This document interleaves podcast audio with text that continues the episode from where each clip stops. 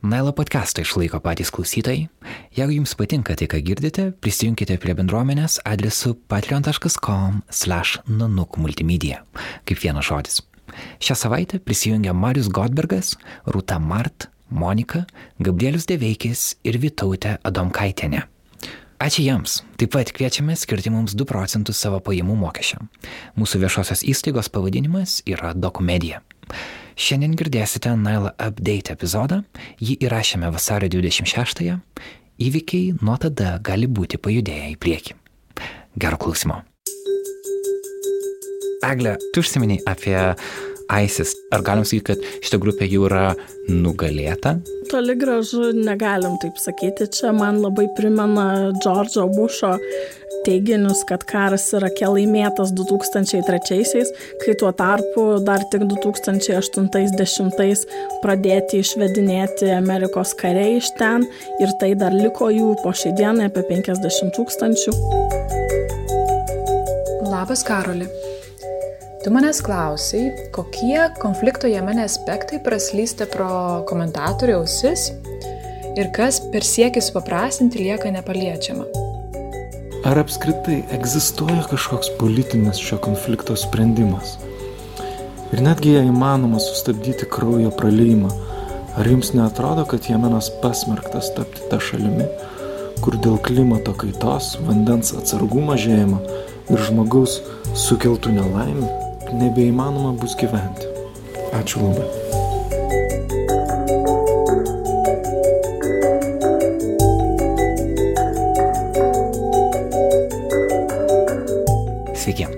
Klausotės Nailo podkasto, vietos, kur kas savaitę analizuojame modernų pasaulį. Šiandien girdite Update serijos epizodą, jį visą skirsime situacijai vidurio rytuose tirti. Atsakysime į jūsų patiktus klausimus ir diskutuosime apie tai, kas mums atrodo svarbu, patiems kalbant apie šį regioną. Aš esu Karolis Višniauskas, podkasto vedėjas ir redaktorius. Šiandien studijoje būsime dviese su mūsų ekspertė, saugumo specialistė Marylando universitete, Eglė Mūrauskaitė. Labas, Eglė. Sveikas, Karoli. Karolis Pilypas, trečioji mūsų komandos dalis, dabar yra Visagine, kur kalba moksleiviams apie medijų raštingumą. Linkėjimai jam. Ir Eglė, iš tikrųjų mes aptarsime daug skirtingų valstybių esančių regione. Minėsime Egiptą, minėsime Jemeną, Izraelį, Palestiną, taip pat Iraną, Saudo Arabiją. Aptarsime ir ISIS situaciją šiuo metu. Bet aš noriu pradėti nuo Egipto, nes tai yra tema, per kurią aš tave pažinau. Aš tave pažinau kaip Lietuvė, kuri arabų pavasario metu buvo Egipte, buvo Kaire ir ten dirbo Amerikos universitete kartu su diplomatu Nabilu Fami. Katedroje ruošėte kursą apie branduolinio nusiginklavimo dėrybų istoriją vidurio rytuose. Aš nuo ten žinau tavo istoriją ir būtų smagu ir klausytis nukelti į tuos uh, metus, tai buvo 2011 metai, arabų pavasaris, daug vilčių apie demokratizaciją tame regione. Kokia situacija Egipte yra dabar? Na, kai aš ten važiavau 2011 vasarą, Tai kaip tu ir sakai, atrodė, kad ta revoliucija arabų pavasario jau nušlavė diktatūrinį režimą ir iš tikrųjų turėjau ten keletą pažįstamų tiek lietuvių, tiek prancūzų, nes mane siuntė Paryžiaus Anspo universitetas ir žurnalistų turėjau nemažai pažįstamų ten esančių, kurie jau raportavo ir per to žiauruosius įvykius sausio vasarą mėnesiais, kai vyko kruvini susirėmimai. Tai tuo metu, birželio Liepos Liepos mėnesį atrodė, kad e, viskas ten yra ramu, gražu, jau kaip ir nutilę. Žodžiu, priminsiu skaitytojams, kad e, arabų pavasaris Egipte nuvertė populiariuoju maištu ilgai valdžiusi diktatorių. Reiškia, vyko reformos tuo metu, buvo tokia kaip ir nupilietinis pakilimas, daug kas lygino su sąjūdžiu. Pavyzdžiui, nebuvo kažkokio oficialaus vadovo, tuo metu 2011-aisiais buvo piliečių organizuojama policija, pavyzdžiui, stovėdavo žmonės ar ne gatvėje, paprastais drabužiais apsirengę kaip tu ir aš reguliuodavo eismą. E, ir nors oficialiai buvo sakoma, sakoma, kad kaip ir armija perėmė ten kažkokias tai teisės valdymą, bet nu, nebuvo, nebuvo nu, tokio jausmo karinės diktatūros, viskas atrodė, kad čia žmonių rankose ir labai viskas faina. Tu jautiesi saugi ten būdama? Aš ten važiuodama jaučiausi saugi, kai aš ten nuvažiavau, tai nebetrodė viskas taip paprasta, nes pasakojo ten buvę, kad prieš keletą savaičių suiminėdavo užsieniečius ar darydavo kratas jų namuose, kad, žodžiu, tenais yra toksai žmogelis Boab, kaip sakykim, kiekvienas namas turi savo konsieržą. Tai vat, tas Boab reiškia, jis priima tavo korespondenciją, nes daug kur Egipte nėra tikslaus adreso, ar tenais žiūri, kad pasirašytų į svečių knygą ateinantis iš serijos. Nu ir reiškia, eidavo, eidavo ginkluotosios pajėgos ir kankindavo tos Boabus, muždavo, kad pasakykit, ar gyvena jūsų name užsieniečiai, parodykit, kur duris ir, nu, kai kurie išduodo, kai kurie neišduodo. Tai man pačiai to susidurti neteko, bet girdėjau istorijas ir, pavyzdžiui, iš Gedrė Šabasevičiūtės, kuri dar ir šiuo metu yra Egipte, kad labai ten tų istorijų buvo įvairių.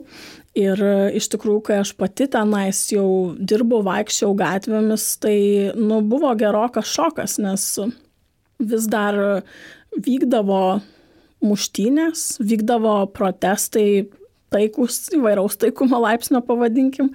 E, gatvėse priekabiavimas prie moterų buvo visiškai laikomas norma, kas nors tau tiesiog einant pro šalį tave galėdavo apgraibyti ir niekam tai netrodydavo keista.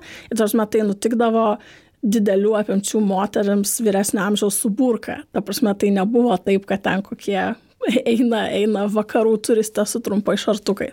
Tiesiog buvo visiškai laikoma norma. Ar, tie, ar to anksčiau nebūdavo, ar nori pasakyti, kad tarsi ne, arabų pavasario nuotaika išlaisvino? Aš nežinau, galbūt tai būdavo visada, bet e, apskritai buvo toks, e, nežinau, gal keistas, keistas jausmas, kad iš tikrųjų nėra jokios tvarkos, yra chaosas. Mhm. A, ir, bet kartu yra ir optimizmas, kad tai taip, nuves. O taip, tai vat, Aha. man kas labai iš to optimizmo įstrigo, nu, buvo tiesiog nerealu, kad praktiškai visur kavinėse sėdėdavo žmonės, jauni, ten apie 30 metų moksleiviai, vyresni žmonės ir visi kalbėdavo apie politiką ir visi kalbėdavo, nu, su tokia, žin, nu, iš labai žinančios perspektyvos, ten žinodo, o jo, čia to tėvas buvo teisėjas, tai čia dabar jis ateis, čia tokias reformas siūlo, o čia tokia ten judėjimas rašo, čia manifestą bando išspręsti ten kažkokias problemas socialinės. Tai nebuvo toks, va, kaip pas mus dabar žmonės bumbena, ar ne, kad, oi, čia supuvų sistema, čia nieko nepakeisi. O ten taip labai konstruktyviai viskas vyko ir labai pakiliai ir atrodė, kad žmonės labai labai nusiteikę, kad čia viskas išsispręs.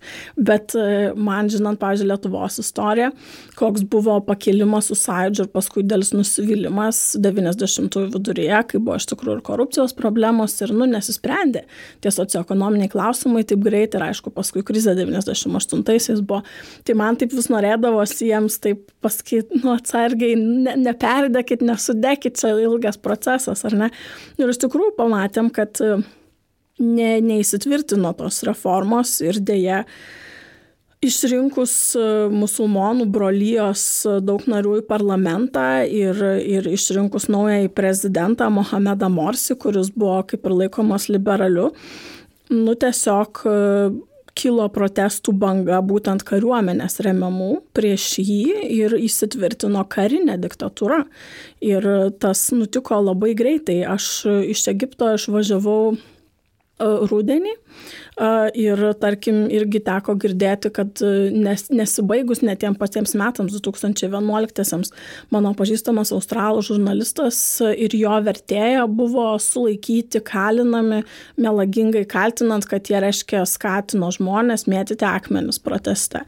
Tai daug žurnalistų buvo pradėta suiminėti. E, būtent dėl to, kad jie pradėjo raportuoti apie šitus vat, bekylančius kariuomenės e, kurstomus maištus ir kad kariuomenė pamažu perima valdžią. E, ir galiausiai, man atrodo, 13 metais ir įvyko tas kudeta ir, ir paėmės jis valdžią.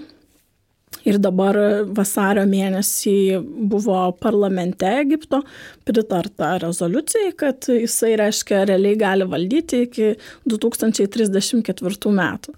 Oho.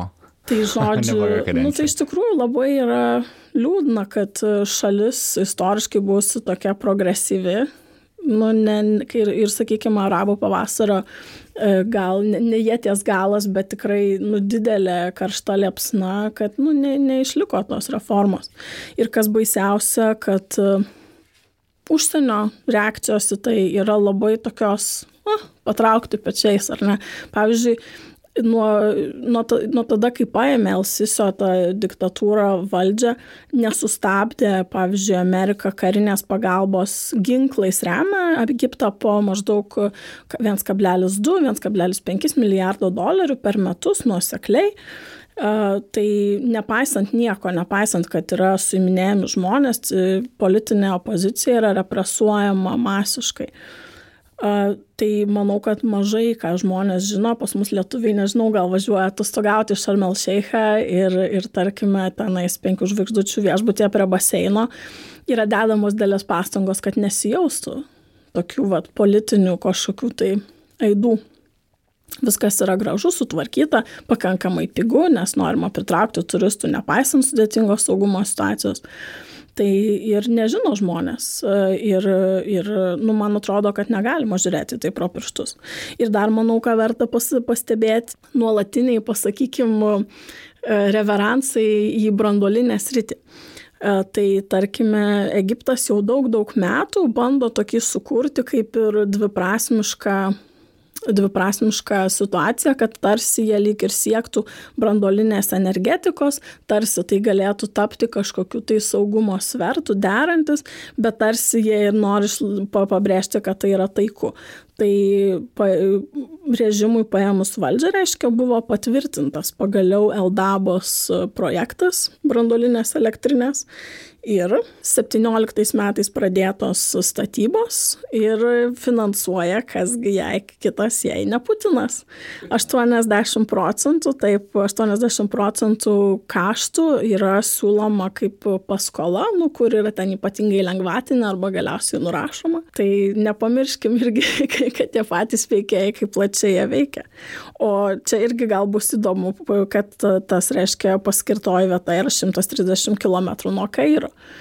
Tai kai mes galvojam, pavyzdžiui, oi čia Astravas kaip arti, kaip arti, kaip baisu, nu tai nėra tai jau taip labai išimtinis atvejis. Šiandien patys egiptiečiai matome problemą, kaip mes matome Astravę problemą, kad yra per arti, ar pavyzdžiui, Rusija galbūt turi teigiamą įvaizdį Egipte ir atrodo, kad Putinas ateis ir pastatys, nes jis žino, ką daro.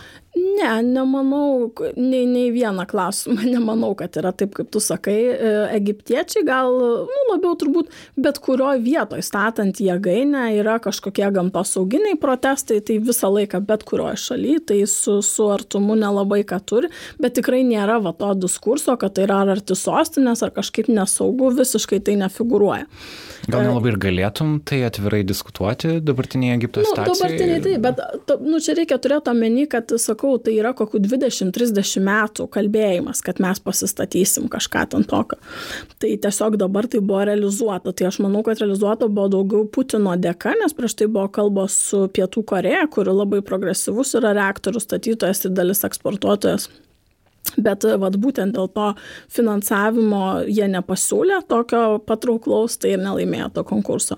Tai manau, kad čia Putinas tiesiog pasinaudojo šitą galimybę paplėsti savo įtaką regione. O reikia, nu, reikia suprasti, kodėl tai jėgai nėra statoma.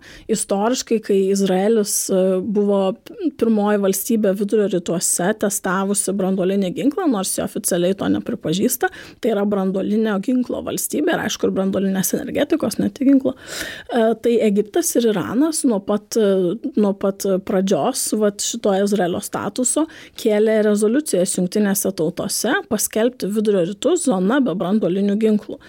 Tai ir tos rezoliucijos nebuvo palaikomos Izraelio žinoma ir Izraelio rėmėjų tai išsivystė tas naratyvas kaip galios balanso, kad reiškia e, galbūt Egiptas e, ar, ar nežinau, ar Sirija, ar kitos šalis Izraeliui nedraugiškos galėtų konvencinėmis pajėgomis juos tiesiog nušluoti, bet jie turi brandolinį atgrasimą ir, žodžiu, dėl to ne, nelyskite, jų nelieskite. Tai pavyzdžiui, kai mes matome Irano brandolinę programą, Irako buvo seniai užuomasgos tada, tai visa tai yra bandymas balansuoti atgal. Ir pavyzdžiui, Egipto ir Saudo Arabijos bandymai eiti į šitą balanso klausimą per brandolinės energetikos prizmę istoriškai, dešimtmečiais. Tai yra irgi dalis atsako, tai jie ne, ne, nesako, kad mes statysim brandolinę karinę programą, bet vystant brandolinę energetiką, ypatingai kelis dešimtmečius atgal, kol nebuvo priežiūros, greitos, efektyvios ir galbūt nu, ištraukimas medžiagos brandolinės panaudotos, jos, jis nebuvo apskaitomas taip tiksliai. Tai buvo tas kaip čia pasakyti, gana efektyviai buvo galima sukurti tą dviejonę, tai ar turi čia ta šalis brandolinės medžiagos tinkamos ginklams ar neturi. Ir tas jau tada Izraelio brandolinė pozicija atgrasimo būtų susilpninę. Tai dabar, kad Egiptas su Rusijos pagalba tą poziciją retorinę įtvirtina, tai manau yra svarbu pastebėti. Kaip tu vertintum apskritai tą situaciją, kurią matėjai 11 metais Egipte, kurią matai dabar, ar vis dėlto arabų pavasario uh, judėjimas jis davė kažką naujo tai valstybei, ko anksčiau nebuvo. Ar galim sakyti, kad situacija vis dėlto dabar yra geresnė negu buvo prieš?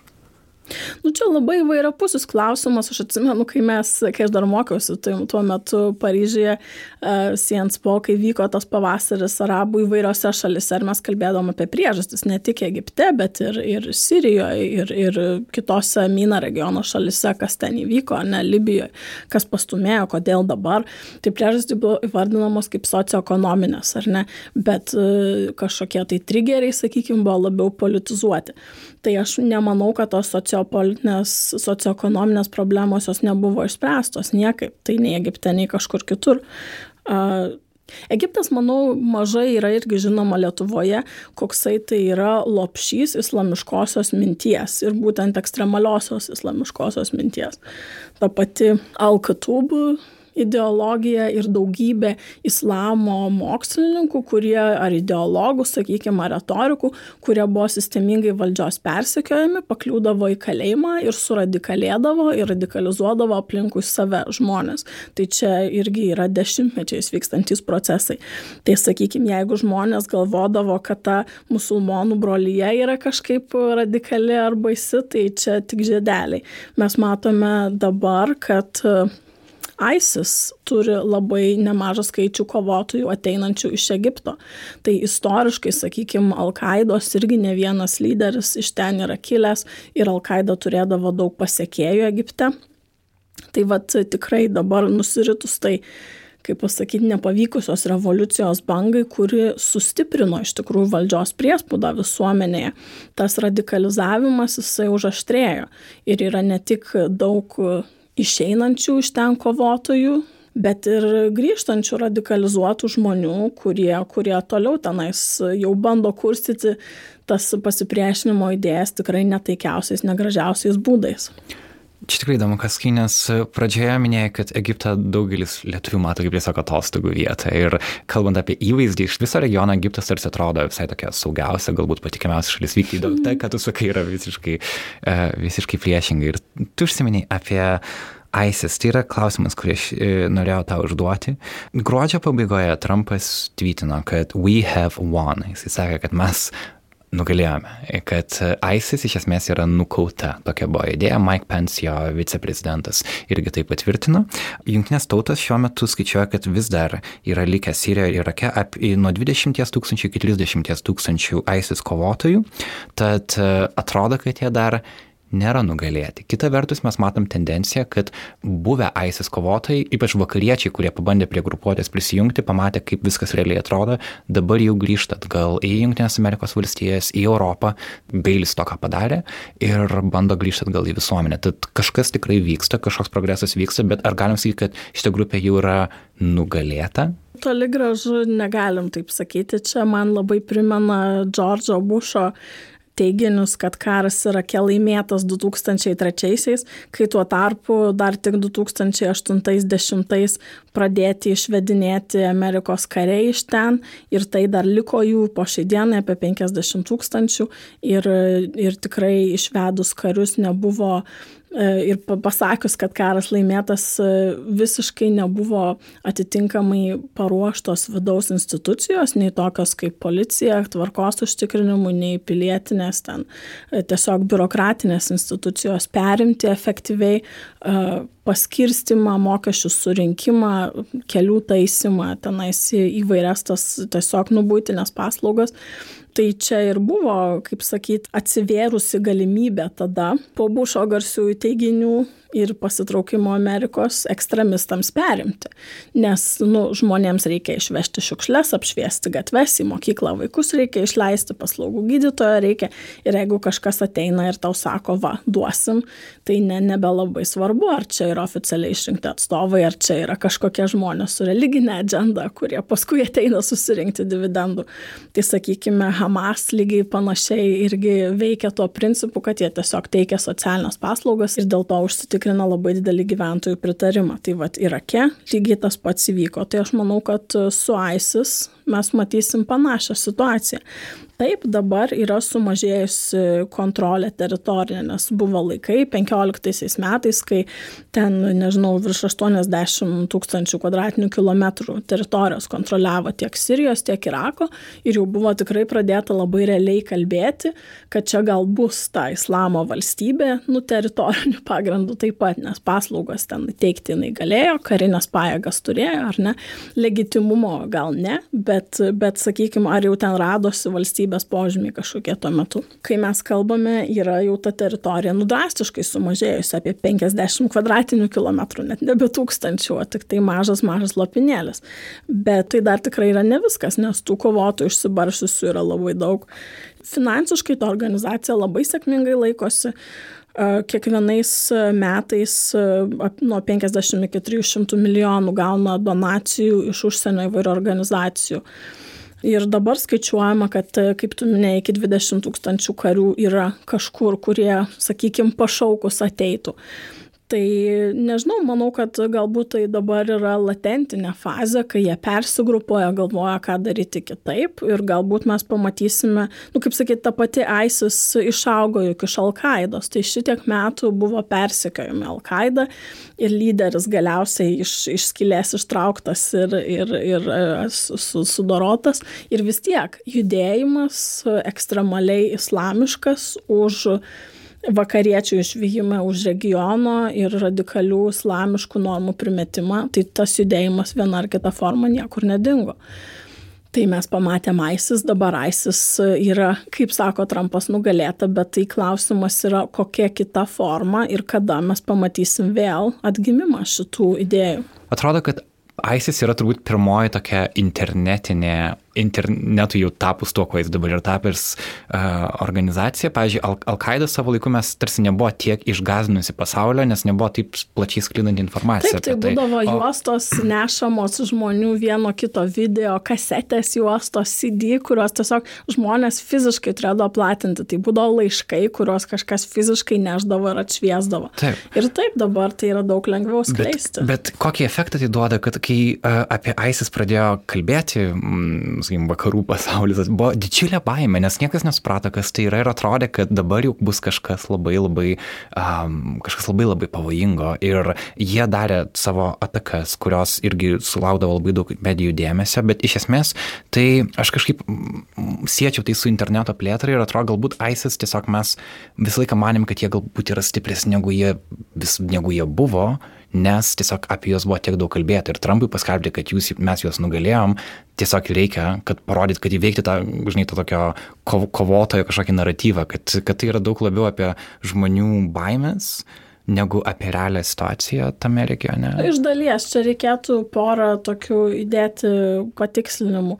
Tai Trumpo pareiškimas yra grinai politinis ir atsietas nuo tikrovės. Mano nuomonė, tikrai niekas ten nėra nugalėta ir baigta. Iš kitos pusės, nu kaip mes apibrėšim pergalę, ar ne? Pavyzdžiui, kai kalbam su Amerikos strateginiais planuotojais, ap, nu, apskritai nesusijusiais su šio klausimu, bet kaip jūs apibrėžiate pergalę, ne? Tai jeigu kažkada tai būdavo, nu, pergalė mes mes laimėjom, tai dabar jau yra prie, nu, mes nepralaimėjom, einama. Tai, nu, žinai, ką reiškia nugalėjom.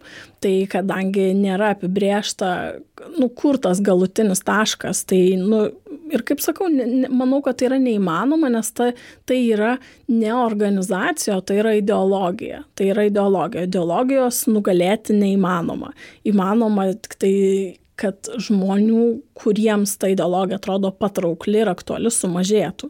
Tai komunizmo irgi niekas neįveikė, kad nu atėjo ten, nežinau, kažkokį lyderį nušovė ar ne, arba nuvertė ir vad komunizmas sugriuvo, net ir su Berlyno siena komunizmas nesugriuvo.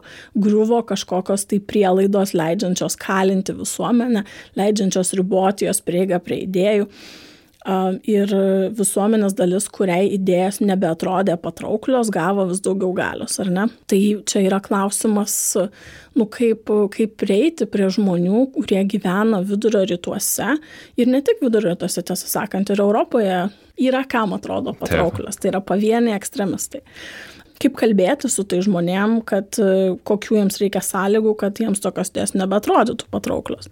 Tai aš manau, vat, vienas dalykas, ką tu čia palėtėjai, tai kad, e, nu, iš tikrųjų apie grėsmės mastą, ar ne, ir kodėl, taip, kodėl mus taip gąsdina. E, JAV prezidento rinkimų visą kampaniją, tai buvo viena Trumpo esminių žinučių, aš įveiksiu ISIS. Nu, tai asmeniškai jis tenais nieko nepadarė, nes e, iš tikrųjų... Taip, bet, bet, bet žmonių galvose ISIS, įveikti ISIS buvo tai, kad ką, kažką reikia padaryti, nes buvo to tiek sukelta baimės. Aš kalbu apie tai, kad, sakau, kad gal žmonės įsivaizdavo, kad organizacija iš tikrųjų yra daug galingesnė, negu jį realiai buvo. Tai vad, vad, vad, dabar aš... Nes mes apie ją tiek daug kalbėjome, aš prie ko noriu prieiti, ar ne? Čia esmė yra turbūt, kodėl ta baimė kyla. Ir ta organizacija, taip, iš tikrųjų, jinai yra pervertinta, bet e, kur yra problema? kad e, žmonės e, paveikti tos ideologijos, jie vis daugiau, pavadinkime, radikalizuojasi patys ir, ir imasi to, kaip sakant, vienišojo vilko tipo terorizmo. Tai va čia yra daug didesnė problema, nes, nu, kai va, skaičiuoja ar ne ekspertai, kad ten 20 tūkstančių žmonių gal ten atsilieptų į aisis kovos, reiškia, pašaukimą, ar ne. Bet tai nereiškia, kad tie žmonės žino ten kokius nors vadus, ar yra specialiai indoktrinuoti, ar, ar nu, kažkaip tai aktyviai, kaip mes įsivaizduotume, ką tai reiškia veikti organizacijoje, ar ne. Tai yra labiau žmonės, kurie pritarė toms idėjams ir tiesiog vat, gyvena savo gyvenimą, piktinasi kaip tenais aplinkai kaimynai jo atrodo jam ištvirkauja, jam per mažą algą moka ir atrodo, kad kapitalizmas supūvęs dėl to, jeigu žmogus yra vienišas, piktas, jam nelabai sekasi gyvenime, ypatingai dar jeigu jis jaučia kažkokias tai patyčias ar pažeminimą. Tai va tikrai tokiems žmonėms, jeigu jie yra linkę į religinius ieškojimus ir, ir va eina kaip tik link musulmonystės, nes paprastai tai būna iš užsienio, kurie dalyvauja tokioje veikloje, yra konvertitai, o ne, o ne gimę musulmonai tai jiems nereikia, kad jo, su jais kažkas dirbtų specialiai, kad ateitų ir sakytų, va tu, Džonai, Petrai, ateik kovoti. Jie tiesiog patys link tų idėjų krypsta. Tai vat, baimė yra ne todėl, kad ISIS būtų galinga organizacija, bet todėl, kad tos idėjos turi tokį platų potraukį. Jo, ir dabar jau pasiekėm tą lygį, kada žmonės grįžta žmonės, kurie tikėjo ISIS ideologiją ir realiai nuvyko į Siriją ar Iraką ir pamatė, kaip viskas ten vyksta, dabar jie grįžta atgal į uh, Junktinės Amerikos valstijas arba Europą. Kila klausimas, ką dabar su jais daryti. Pavyzdžiui, JAV plačiai nuskambėjo nesniai uh, moters vardu Huda Mutano istorija, kuri yra uh, Amerikos musulmonė ir ji, uh, būdama 20 studentė, uh, išvyko į Siriją, ten jį tiesiog prisijungė prie ISIS, jinai tenai uh, buvo labai aktyvi tokia agitatorė, jinai savo Twitterį, pažiūrėjau, naudojo raginimams sustaroti su vakarų civilizacija, rodė, pažiūrėjau, savo amerikietišką pasą, įdėjo nuotrauką ir parašė, tuo greitai iš tiesų deginsiu, man jau jo nebereikia. Ir tada po kelių metų jinai nori grįžti atgal, nes ten tiesiog pamatė, kaip realiai situacija ten atrodo, kad e, jai galiausiai nelabai buvo ar ką valgyti ir kaip apskritai gyventi ir ji dabar sako, kad labai gailisi ir kad ji nori grįžti atgal tokių situacijų yra labai daug, nu, nelabai mhm. daug, bet jų vis daugėja. Ir čia yra klausimas, ką daryti su tai žmonėm. Ar jie, kada tu jau išduodi, sakykime, pažiūrėjau, JAV pilietybę arba, tarkim, nežinau, Junktinės karalystės pilietybę, iki tada, kai tu jau nebegalėjos atgauti atgal, ar visuomenė turėtų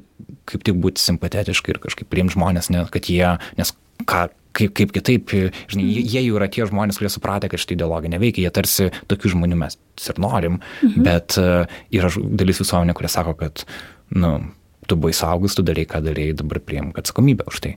Nu taip, čia yra moralinė dilema ir teisingo turbūt nėra, tai aš galiu nebent pasidalinti savo nuomonę ir pridurti, ką reikėtų šiek tiek prieš istorijas, kad problema grįžtančių kovotojų, tai gal vakarai su jie susiduria dabar modernios civilizacijos e, kontekste taip naujau, bet pavyzdžiui iš Afganistano grįžtančių kovotojų, taigi visas Myna regionas susidurdavo su tuo jau daug dešimtmečių ir ten 80-aisiais ir 90-aisiais, tai ten ten gal sakykim būdavo labiau tai probleminiai atvejai, kad grįžta žmonės su didelė karinė patirtim ir jie yra dažnai traumuoti ir jie negali integruotis atgal į visuomenės. Nu, žmonėm tokiem yra sunkiau rasti darbą, jiems sunku priprasti prie e, nekarinio civilinio gyvenimo būdo, kuris tikrai nėra nei toks intensyvus, e, emocinio krūvio prasme, nei nėra toks aiškus, kad va čia priešas tu nušauk, pavalgyk, pasportuok viskas, ar nėra labai daug kompleksinių, kasdienių tokių, nu, nuobodžių sprendimų, dalykų, kuriuos reikia daryti ir tai yra sunku žmogui, kuris ten kasdien, žinai, kelis metus e, sprendžia gyvybės ir mirties klausimus, va dabar galvoti, žinai, kokios spalvos šidantų šepetuką pirkti. Yra iš dalies programos, kurios padeda tokiems žmonėms integruotis, bet, nu, tai žmonių savanoriško dalyvavimo tam reikia. Bet e, tu, ką palėtėjai, tai yra jau nu, kitas atspalvis šiek tiek. Tai ne, ne, ne, ne tie militaristai, kurie neradė čia kaip integruotis į civilinę visuomenę, kaip tik rekrutuoja kitus žmonės arba ieško elementariai kito karo, kurie galėtų panaudoti savo įgūdžius, bet žmonės, kurie pamatė tą išvirkščią pusę kaip tik galėtų padėti. Taip, ypač, manau, moterų situacija yra dar specifinės, jos pačios neėjo kovoti. Nei, kaip bent jau ką nei pati sako apie savo patirtis AISIS viduje, tiesiog visą laiką turėjo sėdėti namie, jinai nieko daugiau neveikė. Tai, ir kartais Twitter'į parašydavo tai, ką mhm. parašydavo. Tai manau, kad va šiti žmonės yra iš tikrųjų, kuriems nu, turėtų būti sudaromos sąlygos grįžti ir kalbėti apie savo patirtis būtent kad pamažinti tą ideologinę apeliaciją, apie kurią ką tik kalbėjome prieš tai, ar ne? Nes e, iš tikrųjų, kiek e, nu, tyrimų daroma, e, studijų įvairių, kad žmonės, kurie vat, vakarų šalise yra labai ar nusivylę čia tą demokratiją, ar kapitalizmo supuvimu, ar ten žodžių grežiasi, nu, aišku, yra tokių, kurie važiuoja Indiją, tada dvasingumo ieškoti. Arba ja, tai yra aukštesnė tikslo. Nu, nu, taip, taip, bet to prasme tai yra skurdas ir tai yra nepriteklius ir tai yra, nu, atsisakymas, labai didelis patogumo atsisakymas, ar ne? Tai, nu, aišku, aš nelyginčiau jokių būdų, tai yra, nu, priešingi dalykai, ar ne važiuoti būti teisės kovotojų versus važiuoti tenais, nežinau, būti budistų vienuoliu. Bet esmė yra tame, kad man atrodo jauni žmonės, kurie niekada nebuvo susidūrę su dideliu nepriteklium, ką reiškia neturėti pavalgyti, ką reiškia, kad tave gali nušauti tiesiog atsitiktinai elementariai, kad šalta to yra, nes namai yra nešildomi, kad nu, žmonės tokiais vat, ekstremaliosios situacijos nebūna susidūrę.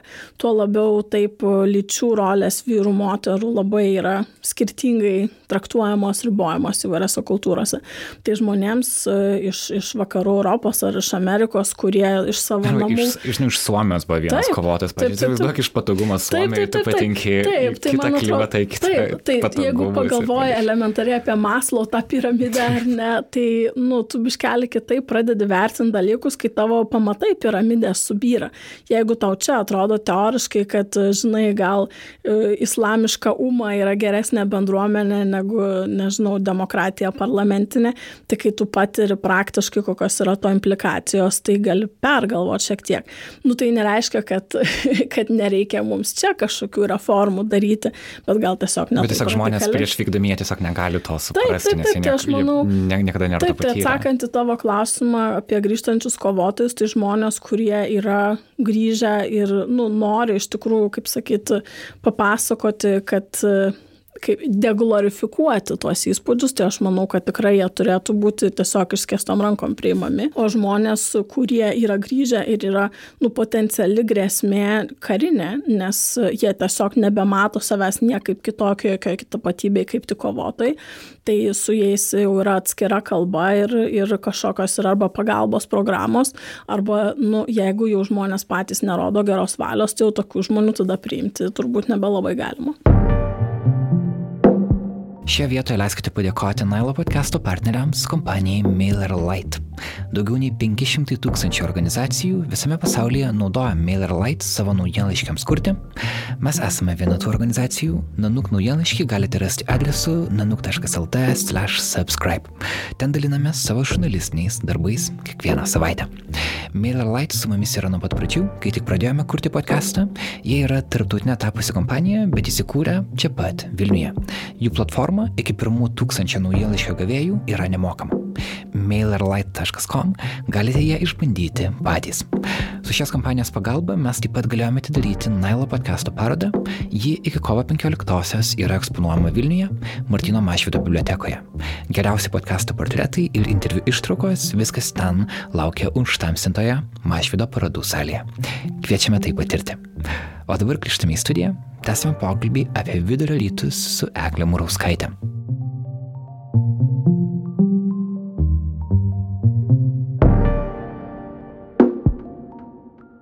Judame tolyn, judame į Jemeną ir su Jemeno situacija mes norim įtraukti porą mūsų klausytojų. Vienas iš jų yra Andrius Slovuckis, jis yra gydytojai be sienų humanitarinės misijos dalyvis buvęs Jemene ir taip pat kita yra Jovita Sandaitė, humanitarinė darbuotoja dirbanti su Action Against Hunger nevyriausybinė organizacija, šiuo metu ji yra Jordanijoje, bet taip pat yra prisijungusi prie Jemeno misijos ir greitų laikų planuoja ten vykti. Mes turime jų audio klipukus apie tai, ką jie kalbėjo, bet prieš tai gal aš nenoriu leisti jų įrašų prieš apskritai neįvedus klausytojų į situaciją Jemene, um, bent jau trumpai, kad būtų aiškiau, ką Anglis su Jovita kalba.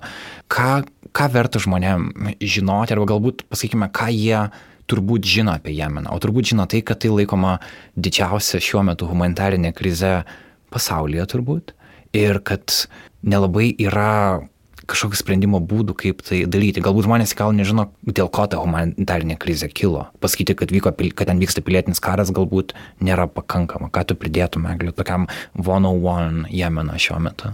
Tai e, iš tikrųjų yra labai žiaurus pilietinis karas, bet kas įblogina, tai yra įvairiapusis e, regioninis dalyvavimas išorinių elementų.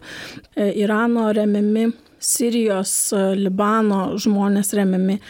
Yra praktiškai visa Arabų valstybių koalicija, kuria siunčia pajėgas, tai ir Kuveitas, ir, ir Arabų Emiratai, ir Bahreinas. Egiptas tas pats mūsų minimas. Labai daug yra šalių, kurie remia ten skirtingus interesus. Ir iš tikrųjų tai yra tokia kompleksinė situacija Jemene, kad nu, negalima jos taip paprastai supjaustyti, ar ne, kad tai yra ar šinitai prieš sunitus, ar gentis kažkokios, ar, sakykime, pro valstybininkai, antivalstybininkai, pro vakariečiai, antivakariečiai. Tai yra situacija pabloginta klimato kaitos, kai dėl vis mažiau prieinamų dirbamo žemės plotų, dėl industrializacijos taip pat pabloginusios situacijos situacija. Žmonės kraustosi, bėga iš, iš nebe, nebegyvenamų dalių ir prasideda karas natūraliai teritorijoje kai, kai nori, nori ateiti žmonės, kur gyveno kiti žmonės.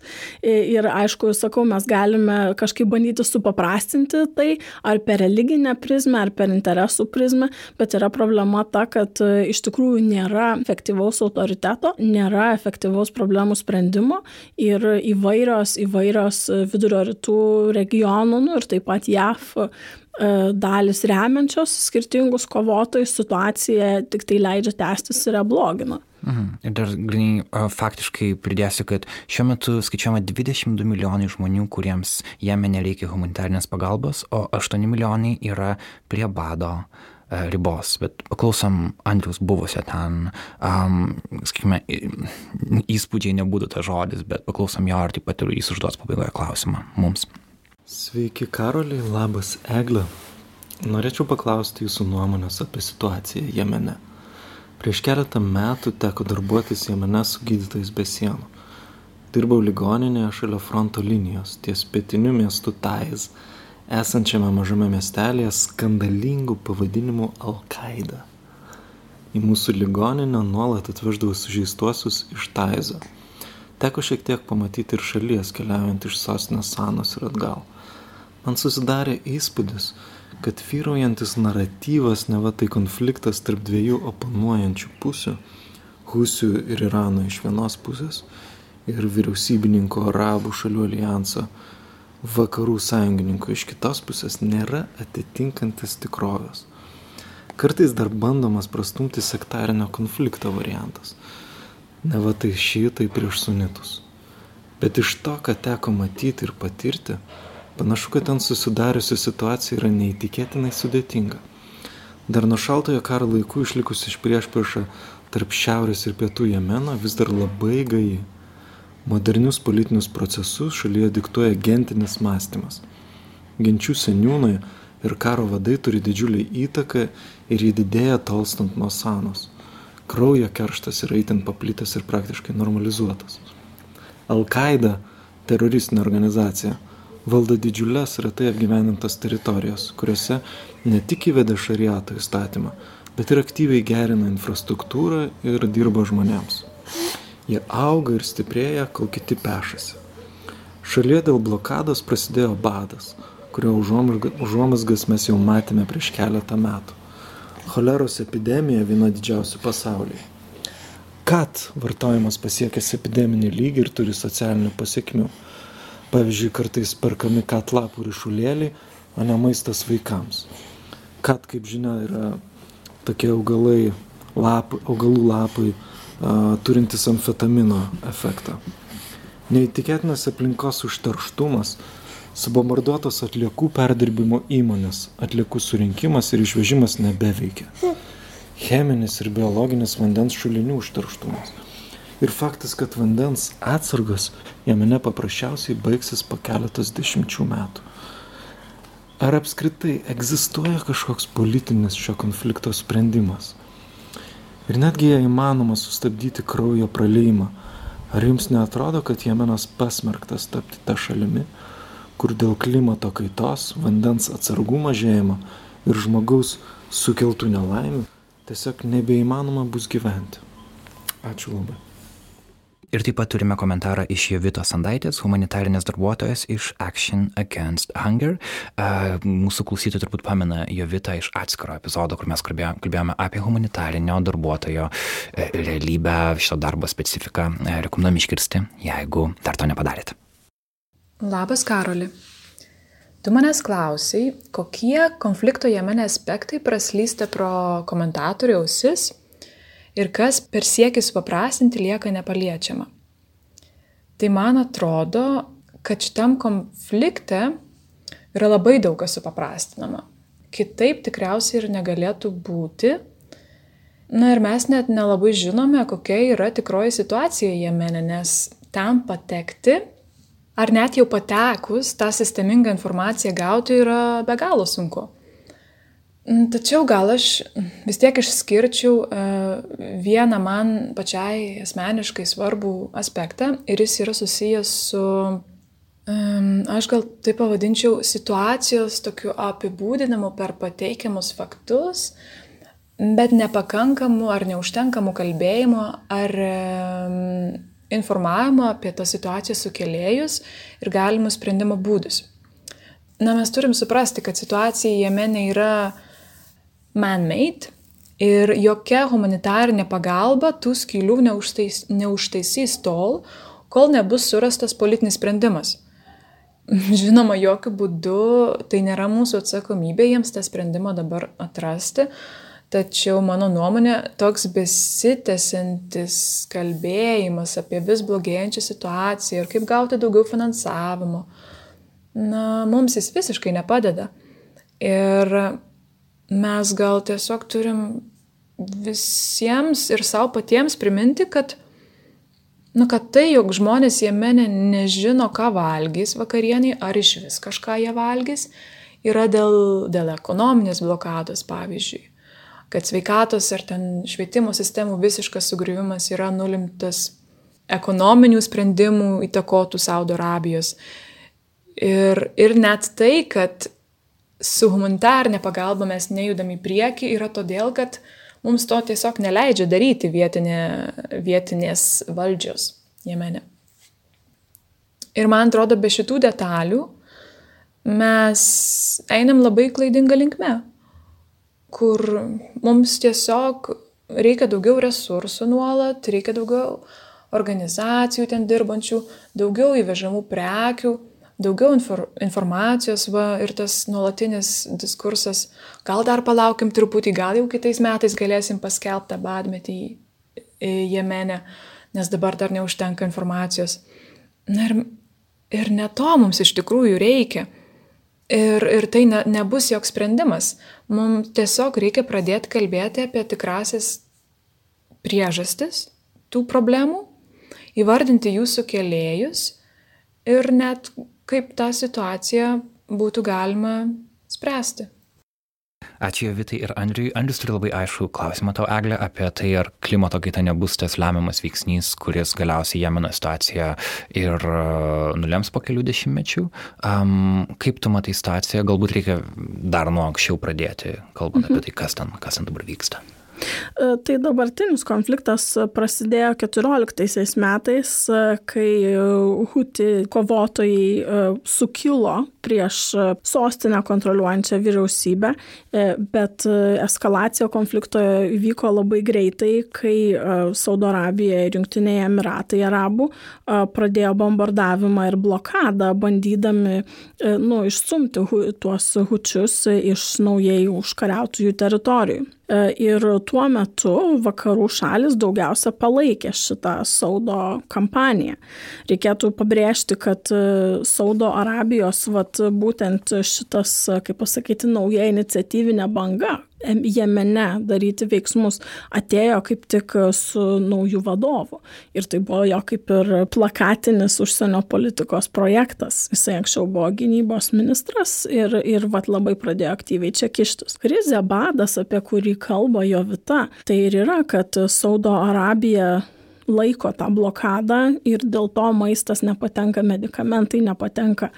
Situacija nu, blogėja gana sparčiai. Tai jeigu jeigu, pavyzdžiui, Prancūzija ir Vokietija vis dar dalinasi uh, intelligence informaciją su Saudo Arabija, padėdama jiems bombarduoti taikinius.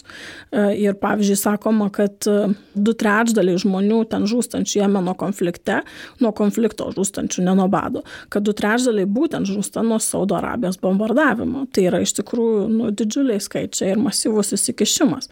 Tai pavyzdžiui, Vokietija ir Norvegija suspendavo ginklų eksportą Saudo Arabijai. Būtent dėl šio konflikto. Ir jeigu vakarai iš pradžių buvo būtent ir Saudo Arabijos pusėje ir apskritai užėmė poziciją, kad reiškia tuos huti sukilėlius reikia nepalaikyti, reikia atstatyti kažkokią tai vyriausybę ar ne, tai dabar, dabar jau nebėra taip viskas aišku. Pavyzdžiui, Amerika svarsto galimybę liautis teikus leidimą papildyti Saudo Arabijos lėktuvus degalais ir e, galvoja, kad bus e, nutrauktas taip pat ginklų tiekimas Riadui iš Amerikos. E, tai situacija iš tikrųjų nu, keičiasi matomas tas konfliktas. Ir man, pavyzdžiui, buvo įdomu, kad Jemenas, nu, pasakykime, tai yra maža ganėtinai teritorija, kur Lietuva, sakykime, neturi kažkokių tiesioginių interesų. Bet jeigu, vat, kalbė apie vidurio rytus su jaunais smalsiais lietuviais, tai jie kaip tik kažkodėl būna girdėję, pasidomėję, jiems yra aktualu Jemenas. Ne koks nors, aha, ne koks nors Malius, kur pavyzdžiui Lietuva siunčia karinę misiją palaikyti Prancūzijos pajėgoms, ne tas pats Egiptas, nu Sirija galbūt visi girdėję, bet būtent Jemenas.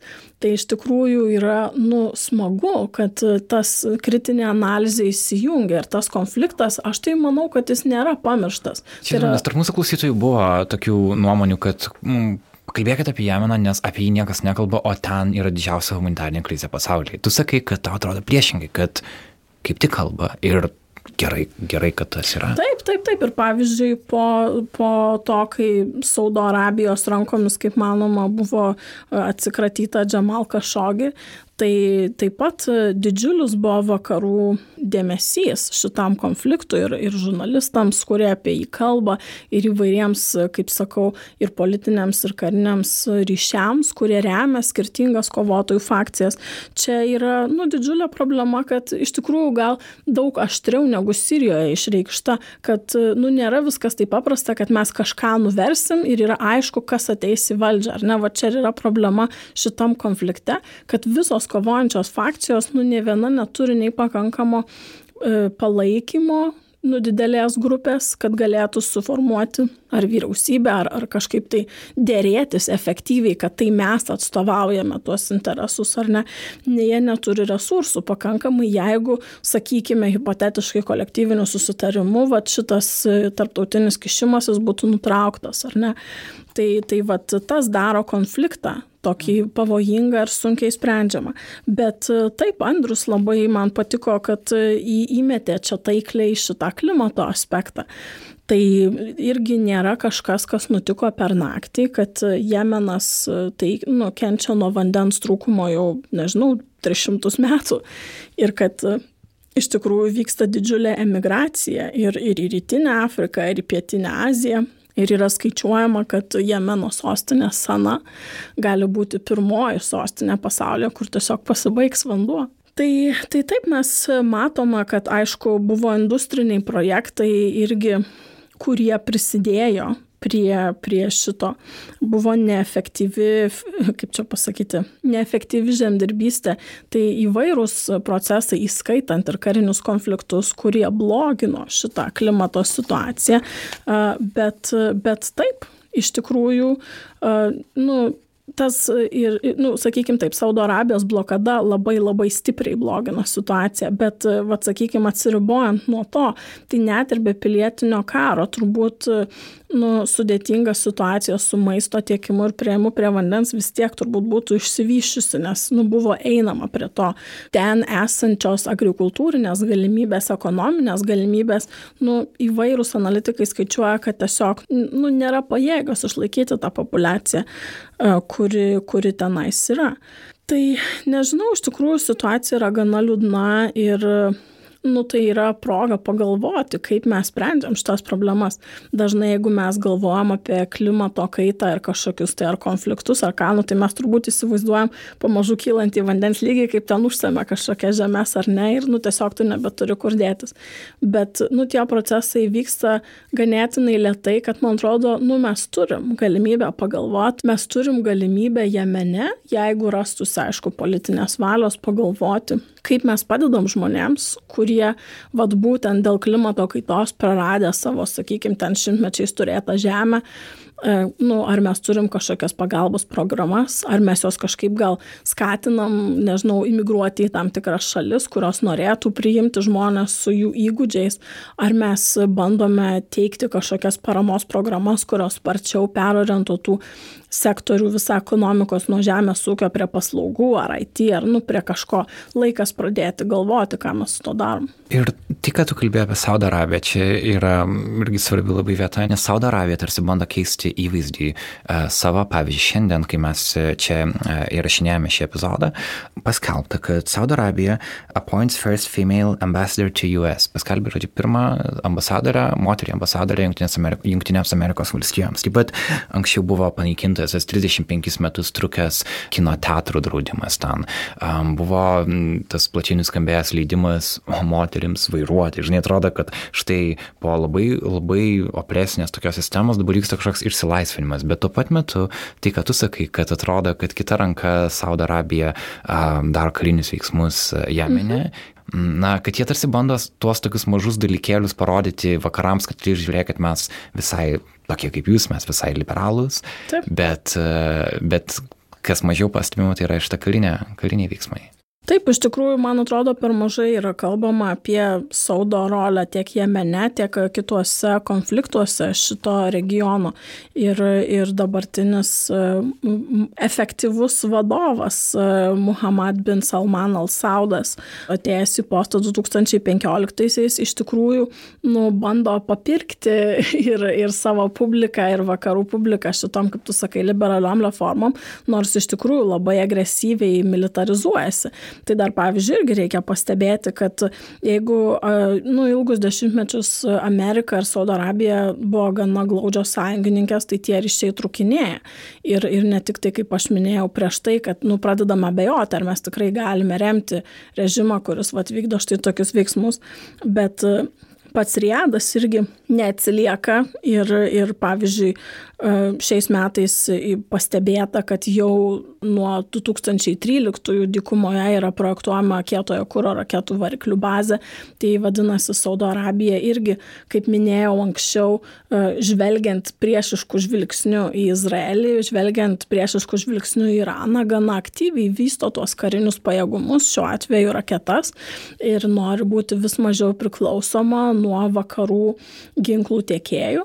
Tai šiuo atveju galėtų būti ar ta pati JAV, ar Vokietija, ar, ar kitos šalis. Ir žodžiu, taip pat Saudo Arabija turi brandolinę programą, brandolinės energijos ir, ir tikrai bando, kaip čia pasakyti, įsišaknyti kaip galios, regioninės galios centras, kaip atsvara Iranui, kuris buvo ženkliai susilpnintas nu, per keletą dešimtmečių trukusias dėrybas ir spaudimą dėl Irano brandolinės programos. Irakui, kaip sakant, atkritus irgi po karo ten, tai Saudo Arabija nu, tikrai gana aktyviai konkuruoja dėl tos. Plius, jie turi tikrai labai daug galios, jie yra didžiausias naftos eksportuotojas pasaulyje, tai jie taip. M, turi, turi ko kovoti. Taip, ir aišku, tas nepraslysta ir Izraelių prokis, mes gal nelabai apie tai girdime, bet spaudimas yra daromas ir vakarams, manau, nemažas ir, ir vat, tos pozicijos apgrėžimas ne, neretai yra ir, ir, ir Izraelio keriamas. Ir manau, čia mes galime pereiti iš tikrųjų Taip. prie tos, aptarę keletą arabų šalių, mes galėtume pereiti prie vadinamojo, nu jau viso vidurio rytų konflikto saldainiuko Izraelio ir Palestinos. Taip, ir jeigu tu Izraelį nevadini arabų šalimi, tai yra tarsi tai, ko Izraelis norėtų, kad tu kad tu darytum. Nes neseniai buvo, tiksliau, pernai metais buvo paskelbtas tas įstatymas, kurie pasakė, kad e, Izraelis yra na, žydų valstybė su sostinė Jeruzalė. Ir tada beveik 2 milijonai Izraelį gyvenančių arabų taip, taip, taip, pasijuto, taip, taip, kaip, ką taip jie sakė, kad jaučiasi kaip antra klasiai piliečiai, tarsi taip, tas buvo įtvirtinta įstatymu. Ir beje, ta, kaip čia pasakyti, įstatymų įtvirtinta buvo kodėl skubama, nes tiesiog dėl demografinės padėties arabų gyventojų, gyvenančių Izraelio valstybės valstybės teritorijos skaičius ateinantį dešimtmetį turėtų viršyti žydų ten gyvenančių skaičių. Tai čia aš sakau dėl to, kad, nu, ką mes suvokiame kaip Izraelio valstybė, ar ne, ar mes pripažįstame okupuotas teritorijas, ar mes taip, ar mes galvojame apie ten gyvenančių tautų mišinį. Tai iš tikrųjų yra konfliktas, nu, labai senas. Ir, ir, ir, ir gal netgi gerai ir žinomas klausytojams, įsivaizduoju, nes e, štai ką tu minėjai, pavyzdžiui, apie Jemeną, apie tą patį Saudo Arabiją, ten atrodo, jie atrodo lengva manipuliuoti informaciją, kas vyksta ten, žmonės tiesiog galbūt net jie gilinasi. Palestina ir Izraelis yra yra tema. Ir Nuo mūsų, 48-ųjų. ir mūsų klausytojai irgi buvo aktyviausi šitai temai e, duodami klausimus. Turim dviejų klausytojų totaliai skirtingas pozicijas šito klausimo. Gabrielė Tervidietė rašo. Kartais kalbama, kad visi vidurio rytų regiono konfliktai beveik išsispręstų atradus abiems pusėms tinkantį Palestinos valstybingumo klausimą. Grubai tariant, pastačius Izraelį į vietą. Ką apie tai kalba įsigilinę akademikai. Ir Davidas Zavetskis rašo, kodėl neproporcingai puolamas Izraelis. Nesusidaro įvaizdis, jog Izraelis yra absoliutus blogis. Skliaustose žinoma, kaip užklausėjęs, nepritariu nausėdijams. Ar nėra absurdiška, kad Izraelio elgesį vertina tokios šalis kaip Saudo Arabija? Gabrielės klausimas atsispiria nuo to, kad jeigu Palestinos valstybė galiausiai susikurtų, taip tarsi regioniai įsivirtų kažkoks stabilumas. Ar tai pritartų tokiai prielaidai?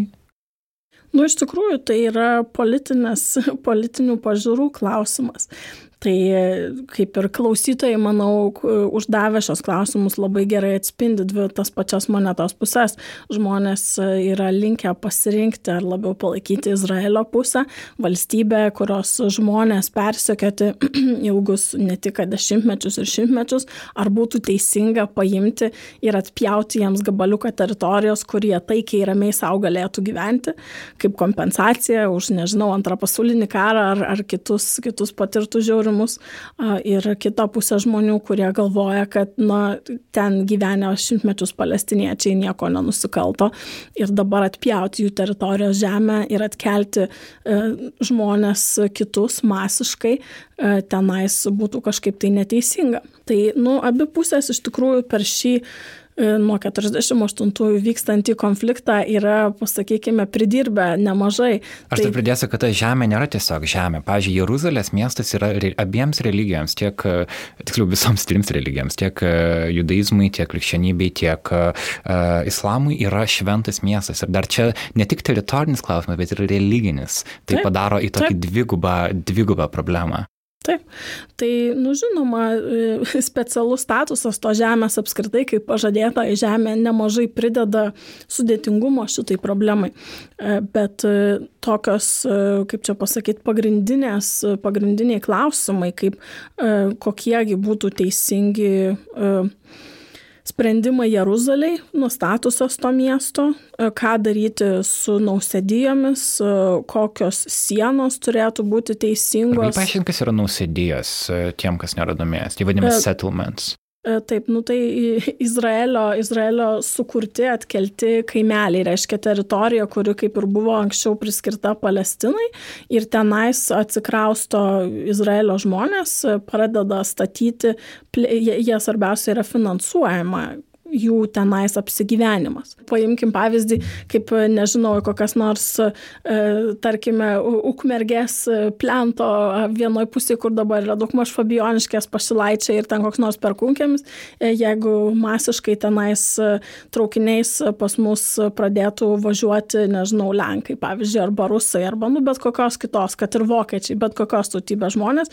ir, sakykime, Vokietijos ambasada remtų jiems būstus ir, žodžiu, tie tie, sakykime, pirmiausia įsivaizduokime, kokie, nežinau, 10-9 aukščių ten žmonių susikraustytų kažkaip, nu nepilnai, tada pradėtų daryti spaudimą kaimynams, to 9 aukščio likusiems lietuviams, kad, žinot, čia dabar šitas kvartalas per kunkėmis jis yra vokiečių kvartalas ir jūs ne vokiečiai, tai, nu, jūsų, nežinau, vaikai mūsų nežais su jūsų vaikais, šitoj parduotuvėje mes jūsų neaptarnausim ir taip toliau ir panašiai, ar ne?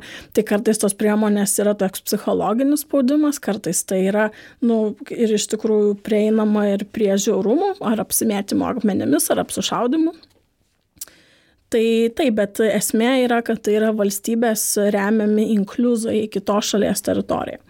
Nu ir taip, ir turime aišku ir pabėgėlių klausimus, ką daryti, ar kur jie turėtų sugrįžti, žmonės, kurie pabėgo uh, jeigu jų žemė dabar priklauso vienai ar kitai valstybei, sakykime, ar Izraelio ar Palestinos, tai ar jie turėtų atgauti tą žemę konkrečiai, kur jie turėjo ir tiesiog gyventi kaip kita taučiai toje valstybėje, ar jiems turėtų būti skiriama atitinkama žemė kitoje valstybėje, iš kur tą žemę paimti, nu ir taip toliau ir panašiai. Tai šitie klausimai iš tikrųjų e, daugelio yra svarstyti, kramtyti, įvairiai vartyti.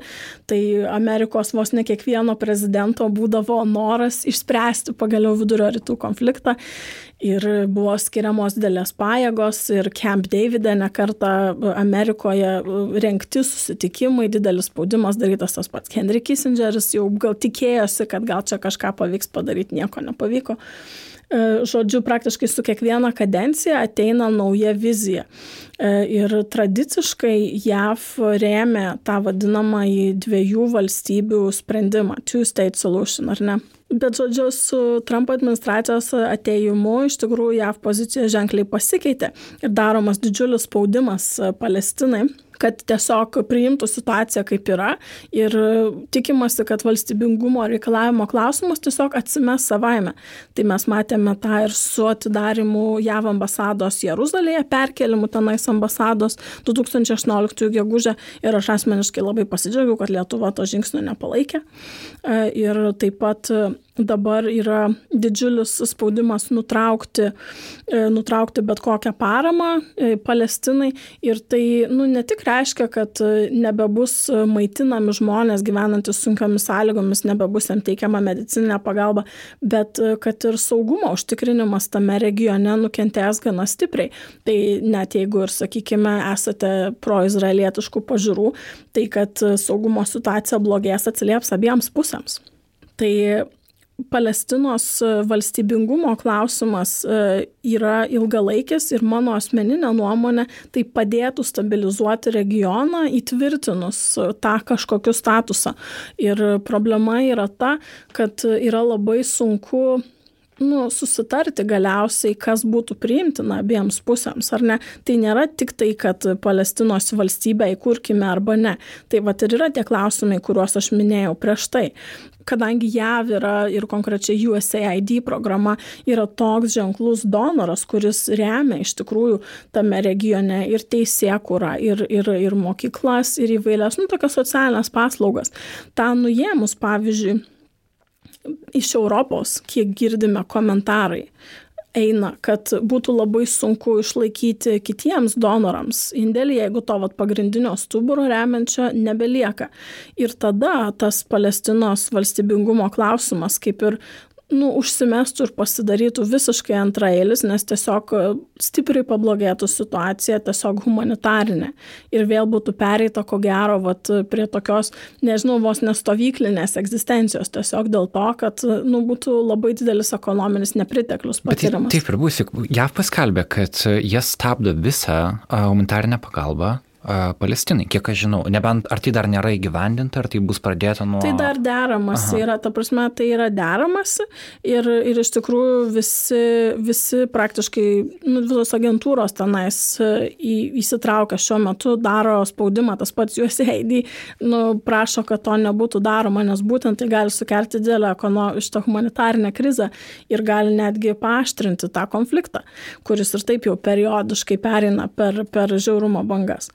O kalbant e, apie Izraelį, tai, e, na, aš manau, iš tikrųjų gerai pastebi klausytojas, kad kai Izraelio elgesį vertina tokios šalis kaip Saudo Arabija, tai taip yra tikrai, kaip sakyt, nu, dviveidystė, dvigubi standartai. Bet e, iš kitos pusės aš negalėčiau jokių būdų pasakyti, kad Izraelis yra puolamas neproporcingai. Kaip minėjau pradžioje, man atrodo, žmonės tiesiog linkia yra nu, priimti moralinį pasirinkimą, kas jiems atrodo teisinga, kurią pusę palaikyti. Ir, nu, turbūt e, elementariai kalbant apie psichologinės teorijas, visada mums atrodo, kad mūsų oponentai skiriasi nuo mūsų daugiau, kad mūsų puola labiau, kad, nu, tai čia turbūt abiems pusėms atrodo, kad tiek pro-izraelietiškai, tiek pro-palestinietiškai, kad juos puola labiau. O Galbūt kad... čia veikia ir tas dalykas, kad žmonės mato Izraelį kaip e, labiau savus negu um, kitas uh, aplinkinės valstybės, nes kitos, kitose dominuoja musulmonų religija, čia dominuoja, na, jie tarsi matomi kaip kaip mes, kad tai yra dėl, tiesiog dėl kultūros, dėl, nežinau, dėl kalbos galbūt ir, ir, ir panašiai. Um, Lietuvoje labai toks naratyvas kažkaip buvo bandomas įgyti, kad tai yra paskutinis kažkoks frontas, vakarų civilizacijos frontas, žinai, tame maždaug vos nesuprask barbariškame regione. Štai yra Izraelis mūsų draugai. Ir dėl to um, žmonėms atrodo, kad galbūt jie ir daro kažką ne taip, bet žiūrėkit, ką daro jie aplinkui. Iš tikrųjų, tu čia palėtai daug aspektų, tai net nežinau, nuo ko pradėti. E, taip, galbūt Izraelis baltaodžiam krikščioniui atrodo artimesnis va šitą etnoreliginę prasme, bet kai mes minėjome pokalbio pradžioje, tai e, arabų religijos tamsiodžiai gyventojai netrukus sudarys daugumą tenais gyvenančiųjų. Tai negalėtum sakyti, kad tai yra koksai tai forpostas. E, iš kitos pusės, Taip, abi pusės tiek Izraelio, tiek Palestinos e, yra, nu, kaip aš sakau, pridirbę per šitus dešimtmečius labai daug ir, ir tikrai ir rėmė kovotojus, ir rėmė e, organizuotas žmogžudystės tam tikrų lyderių. Abi pusės taip yra darę. E, tai, nu, aš, aš pažiūrėjau, negalėčiau va šituo aspektu skirti vienu ar kitų. E, gali pasirinkti, kurios pusės e, nu, už ką kova tau atrodo teisingesnė, bet kad kovoja abi pusės, tai yra faktas. Ir Izraelis kaip teisinė pajėgesnė ekonomiškai valstybė turi daug stipresnę karinę mašiną. Mes dažnai savo kariuomenės reformas darydami atsižvelgiame į Izraelio tai išsivystimo lygis, nu ir pajėgumai ten yra visai kiti. Ir jau čia, jeigu ką nors reikėtų lyginti Dovydą su Galijotu, tai jau tas milžinas tikrai būtų Izraelis, o ne, o ne atvirkščiai. E, ir, nu, manau, kad e, galvoti apie tai, kad ten arabai visi supuls tuos vargšus žydus ir tenais užtrūčins, nu, tai, nu, nėra taip, nėra. Yra kovos dėl politinės galios, yra įvairios peripetijos, e, tai yra tos agresijos parodė visos šalis, tai aš manau, kad taip vienreikšmiškai teikti nebūtų galima. Bet dėl Lietuvos pozicijos dar ką norėčiau pasakyti, kad man kaip tik atrodo jinai tokia, nu, labai dviprasmiška, kad Lietuva turi tą didelę, pavadinkime, žydšaudžių stigmą ir, ir labai stengiasi pasirodyti, kokie mes dabar esame žydamyliai, kad, kad reiškia at, at, atsikratyti tos dėmes kažkaip nuplauti. Nors mes kažkaip tai nesame labai linkę ten ar tų bylų eskaluoti, kas, kas ten iš tikrųjų dalyvavo, ar tai kiekvieną kartą sukelia didžiulės konvulsijas visuomenės, kad ar kam čia galima apdovanojimus duoti, ar, ar nu, tarkim, vat, kalbant apie genocido dalyvavimą lietuvių genocide šitus klausimus. Tai su šitu klausimu mes dylinti nenorim, bet vietoj to mes labai remkim visai kaip žydus ir Izraelį. Tai, nu, čia toksai, nežinau, man atrodo, kontroversiška yra pakankamai, nes jeigu vad galvoti, vėlgi, kaip tu karalius sakai apie tą patinimąsi su kažkokia tai dalykais, tai man atrodo, kad, nu, teoriškai lietuviai kaip tik turėtų daug labiau su palestiniečiais tapatintis, nes jeigu mes prisimintume Lietuvos patirtį Sovietų sąjungoje, kai buvo prievartiniu būdu atkeliami nemaži kiekiai rusakalbių gyventojų čia į žemės lietuvių ir lietuviai prievartinę, nu ne tik tremti, įtremti, nu politiniai kaliniai, sakykime, ar intelektualai išvaromi, bet ir šiaip iškeldinami lietuviai. Tai ir aišku, lietuviai nebuvo vieninteliai patyrę šitą prievartinę relokaciją Sovietų sąjungoje, bet pats, pats tas faktas, kad prievartiniu būdu kažkas ateina, atsikrausto pas tave ir, ir dabar jau staiga tu tarsi tampi kaltas, tai man rodo šitas naratyvas lietuviams turėtų, turėtų būti artimesnis.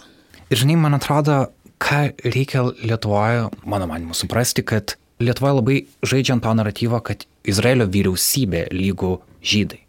Kitaip tariant, kad jeigu Izraelio vyriausybė šiuo metu kažkokį sprendimą daro, tarsi visi pasaulio žydai atrodo tai palaiko, kas ne, tiesiog nėra logiška, bet bandoma skurti toks įspūdis ir man buvo labai įdomu sužinoti, kad Juval Noah Harari, dabar visiems puikiai žinomas autorius, nes jis pasirodė knyga, uh, jisai anksčiau parašęs knygą Sapiens, dabar pasirodė knyga 21 pamoka 21 amžiui ir knygų mūgėje pristatinėjo didžiausioje salėje. Jisai pernai metais atsisakė dalyvauti uh, Los Andželio Izraelio konsulate vykusiame renginyje, nes jisai pasakė, kad aš nepritariu Izraelio vyriausybės politikai, aš manau, kad ji nusisuka nuo tų liberalių pagrindų, ant kurių buvo Izraelis sukurtas. Kiti gal sakytų, kad Izraelis na, nebuvo sukurtas ant liberalių pagrindų, čia galima dėl to ginčytis, bet kad net tiem žmonėm, kurie palaikė buvusio ministro pirmininko politiką, dabar su Netanjahu, dabartiniu ministro pirmininku, jie mato tame problemą. Hararis sakė, kad jam nepatinka, kad Netanjahu bičiuliaujasi, pavyzdžiui, su Viktoru Orbanu iš um, Vengrijos arba kad su Putinu bičiuliaujasi irgi, um, kas Lietuvoje buvo irgi daugam labai keista, kaip laukit, bet kaip jis, kaip jis gali įsisekti tą vadinamą Kolorado juostelę, ką Netanjahu darė. Ir Harari, kuris iš esmės laikomas šiuo metu vienu na, svarbiausių kažkokių mąstytojų pasaulyje, kuris pats yra žydas ir užaugęs, nežinau, Jeruzalėje, bet Izraelį, jis pats kritikuoja tai. Ir, žinai, aš bijau, kad galbūt Lietuva tada irgi, pavyzdžiui, jokyse būtų matoma kaip dar viena Vengrija, kad galbūt štai susitikimas su, pavyzdžiui, kokiu skverneliu, to lygų susitikimui su Orbanu, nes maždaug čia yra tos labiau į nacionalizmą linkusios valstybės, kurias Izraelis dabar nori po savo, sakykime, įtaką paimti, nes, pavyzdžiui, kokios Skandinavijos šalis, Vokietija, kitos labiau demokratiškesnės Europos šalis nebėra Izraelį palaikančias, dėl to jis ieško draugų kitur, pavyzdžiui, Lietuvoje. Ir kitas pavyzdys yra su aktorė Natalie Portman, kuri apie tą įstatymą, kurį mes minėjom pačioje pradžioje, kuris paskelbė, kad Izraelis yra žydų valstybės sostinė Jeruzalė, jinai buvo pasakius viename interviu, kad ji mano, kad tai yra, buvo žodis partos racist, rasistiška arabų piliečių Izraelio atžvilgių. Ir ji taip pat atsisakė 2016 metais priimti tokį Genesis prizą, kuris skiriamas toks labai didelis įvertinimas, na, žydų kilmės, žodžiu, žmonėms. Jis pati yra gimusi Jeruzalėje, jinai yra Amerikos, ji turi Izraelio ir Amerikos pilietybės ir jinai atsisakė prisimti tą prizą, nesakė, kad tuo metu scenoje bus Netanjahu. Natalie Portman yra visų mylima aktorė, mažai kas žino apie šitą galos istoriją, bet ji, būdama Izraelio amerikietė, ji nepriima visiškai dabartinės politikos. O Lietuva kažkaip atrodo, kad jeigu tu nepriimi dabartinės politikos, tu automatiškai esi antižydiškas. Ir aš dalyvau vienoje diskusijoje, kur buvo nesniai mm, diskusija ar per pirmosius rytus, ten buvo um, Petras Užtrevičius dalyvavo, taip pat buvo Izraelio ambasadorius Lietuvoje dabartinis. Ir ten buvo vienos Iš, iš salės buvo klausimas apie e, palestiniečių pabėgėlius, ir, kuris sukėlė kažkokią tokią įtampą vidų ir tada vienas iš labai pro-izraelietiškų žmonių pasakė, sako, tai yra melas, tai yra e, antisemitiškas melas. Taip ir pasakė, ir ta diskusija baigėsi, žinai. Tai buvo, aš jaučiausi, kad jeigu tu kritikuotum Izraelį ten, tu gautumėsi antisemitų iš esmės. Kai tuo tarpu štai, pavyzdžiui, Harari būdama žydas arba Natalie Portman būdama uh, žydė, jie atsiribojo nuo, nuo Netanjahu tiek, kad nenori su juo vienoje, viename kambarį būti. Nu, man atrodo, Lietuvos visuomenė dar vis neperlipa per tuos tabu ir, nu, kaip tu ir sakai, e, žinai, gali būti apšauktas antisemitų vien dėl to, kad tau atrodo, kad Netanjahu politika yra klaidinga. Tai mes tik nepamirškim, kad tas pats Netanjahu jau daug metų iš tikrųjų aktyviai agituoja JAV užpulti Iraną kariniu būdu. Tai atsiribokim nuo to, ką mes galvojam apie Irano brandolinę politiką, bet, nu, bet kokią valstybę užpulti kariniu būdu dabar kas nors agituotų Lietuvą Lietuvą užpulti Rusiją. Net ir dabartiniai situacijai aš manau, kad tai būtų klaida. Tai agita ir tausme dešimtmečiais Amerika turi Izraeliui tenais žadėti įvairią pagalbą ekonominę ir, ir visai kaip tenais e, juos prilaikyti už vadelių, nes jie yra labai nukaringai iš tikrųjų nusiteikę. Ir, ir kai Netanjahu kalba Europos institucijose ar, ar jungtinių tautų institucijose, tai visada yra, nu, kaip sakant, labai aiškiai ir viena kryptė ta žinutė. Tai nu, man netrodo kažkaip tai antisemitiška sakyti, kad neapykantos kurstimas ir karo kurstimas prieš ką tas karas bebūtų yra neteisingas. Ir man atrodo, kad, kaip jau minėjau anksčiau, kaip jau mes besijaustume ten ant kiek kalti ar nekalti žydų, kas jiems nutiko Lietuvoje klausimų, tai, nu, bet tai neturėtų mūsų apakinti dabartiniams politiniams procesams vykstantiems tame regione. Netanjahu, kaip tu pats minėjai, jisai nėra labai populiarus politikas tame pačiame Izraelyje. Tai aišku, yra, manau, gerai žmonėms, kurie, nu, nėra susidarę tvirtos nuomonės išgirsti išgirsti ir va šitą va pusę. Manau, kad tai yra labai pravartu, bet nu, sprendimas kažkoks tai taikos link tame regione, tai aišku visų pirma turėtų nu, turėtų turėti tvirtus įsipareigojimus abiejų pusių, tiek Izraelio, tiek Palestinos ir iš tikrųjų kitų šalių aplinkui dalyvaujančių, tiek besiribojančių, tiek remiančių tenais įvairius kovotojus, kad susitarimas bus priimtas. Nes didelė problema yra vat, taip pat su tomis nausėdijomis ir apskritai vat, Izraelio Palestinos, kad pastoviai, pastoviai yra bandoma jėga pakeisti, kas buvo susitarta. Tai sakau, ar mes priimsime tą sprendimą, kad žydų valstybė ten sukurti ar ne, ir su kokiam sienom, ir kaip prieiga prie vandens, kaip ekonomika, kaip kariniai dalykai, tai čia yra kas kita. Bet, nu, turi būti kažkoks tai nusiteikimas išeiti iš tos nuolatinės plėtros, nuolatinio kovotojo pozicijos, kad, nu, yra svarbesnių dalykų. Jo, ir um, dar pabaigai pridėsiu keletą faktų, kuriuos Karolis paruošė pats šiandien negalėdamas čia būti. Jisai uh, rado Pew Research tyrimą. Tiesa, tai yra 2013 metų informacija, tai kiek gali būti senstelėjusi, bet pagal ją sakoma, kad tik trečdalis Amerikos žydų tarp 18 ir 49 metų tiki, kad Izraelis nuoširdžiai bando rasti taikų konflikto su Palestina sprendimą. Ir uh, penkis kartus daugiau Amerikos žydų tarp 18 ir 29 metų mano, kad Amerika yra, cituoju, too supportive per daug palaikanti Izraelį negu tie Amerikos žydai, kurie yra, kuriems yra virš 65 metų. Tai yra, galima sakyti, kad žmogus galbūt, žinau, sandamas tampa konservatyvesnis, bet iš esmės yra kartų skirtumas, kad jauni žmonės, pač jauni žydai JAV nepalaiko Izraelio dabartinės mhm. politikos. Ir čia tiesiog noriu parodyti, kad tai nebuvo tiesiog pavienis kažkoks Harari ir Portman mąstymas. Ir dar dėl Portman pasakysiu, kad jinai tuo pat metu sako, kad jinai didžiuoja savo izraelietiškom ir žydiškom šaknim ir ji nepalaiko to vadinamo uh, BDS um, judėjimo, kuris tiesiog skatina boikotuoti izraelietišką kultūrą, izraelietiškas prekes ir viską. Tai yra e, tam tikros ribos, ant kiek žmonės kritikuoja vyriausybę, bet faktas, kad ji yra labai kritikuojama įvairiai. Egle, mes šitą epizodą padarom daug ilgesnį negu įprasti mūsų pokalbį, bet ma, man yra labai įdomu, aš tikiuosi klausytojams taip pat ir tai yra milžiniškas regionas su didžiulė istorija, apie ką mes kalbam. Um, tu norėjai užbaigti Iranu. Taip, tai iš tikrųjų yra nebloga tranzicija iš, iš Izraelio, nes, kaip minėjau, e, nu, dauguma šito regiono konfliktų yra tokie multidimensiniai e, galios kažkokie, galios paklodės tampimo bandymai, tai viena pusė, tai kita pusė. Tai pavyzdžiui, aš manau, kad klausytojams galbūt mažiau susipažinusiems su situacija bus įdomu sužinoti šiek tiek istorijos, kad dabartinė didžiulė Izraelio prieš priešą Iranui ar, ar sakykime, ten užaštrėję santykiai su likusiu regionu, taip nebuvo visada. Tai nėra kažkokios tai, nu, pre, predestinuotos kažkokios tai užkoduotos jų moralinėme kode priežastys, kas verčia tą daryti. Tai dabar, pavyzdžiui, dabar mes visi žinome ar ne situaciją, kad, kad buvo susitarimas su Iranu branduolinis, angliškai vadinamasis JCPOA, kur Iranas po 20 vos metų trukusių dėrybų sutiko apriboti savo branduolinę programą, o tarptautinė bendruomenė sutiko nuimti sankcijas ir tai turėjo nu, sumažinti riziką iki minimumo, kad per ateinančius dešimt metų Iranas galėtų turėti brandolinį ginklą.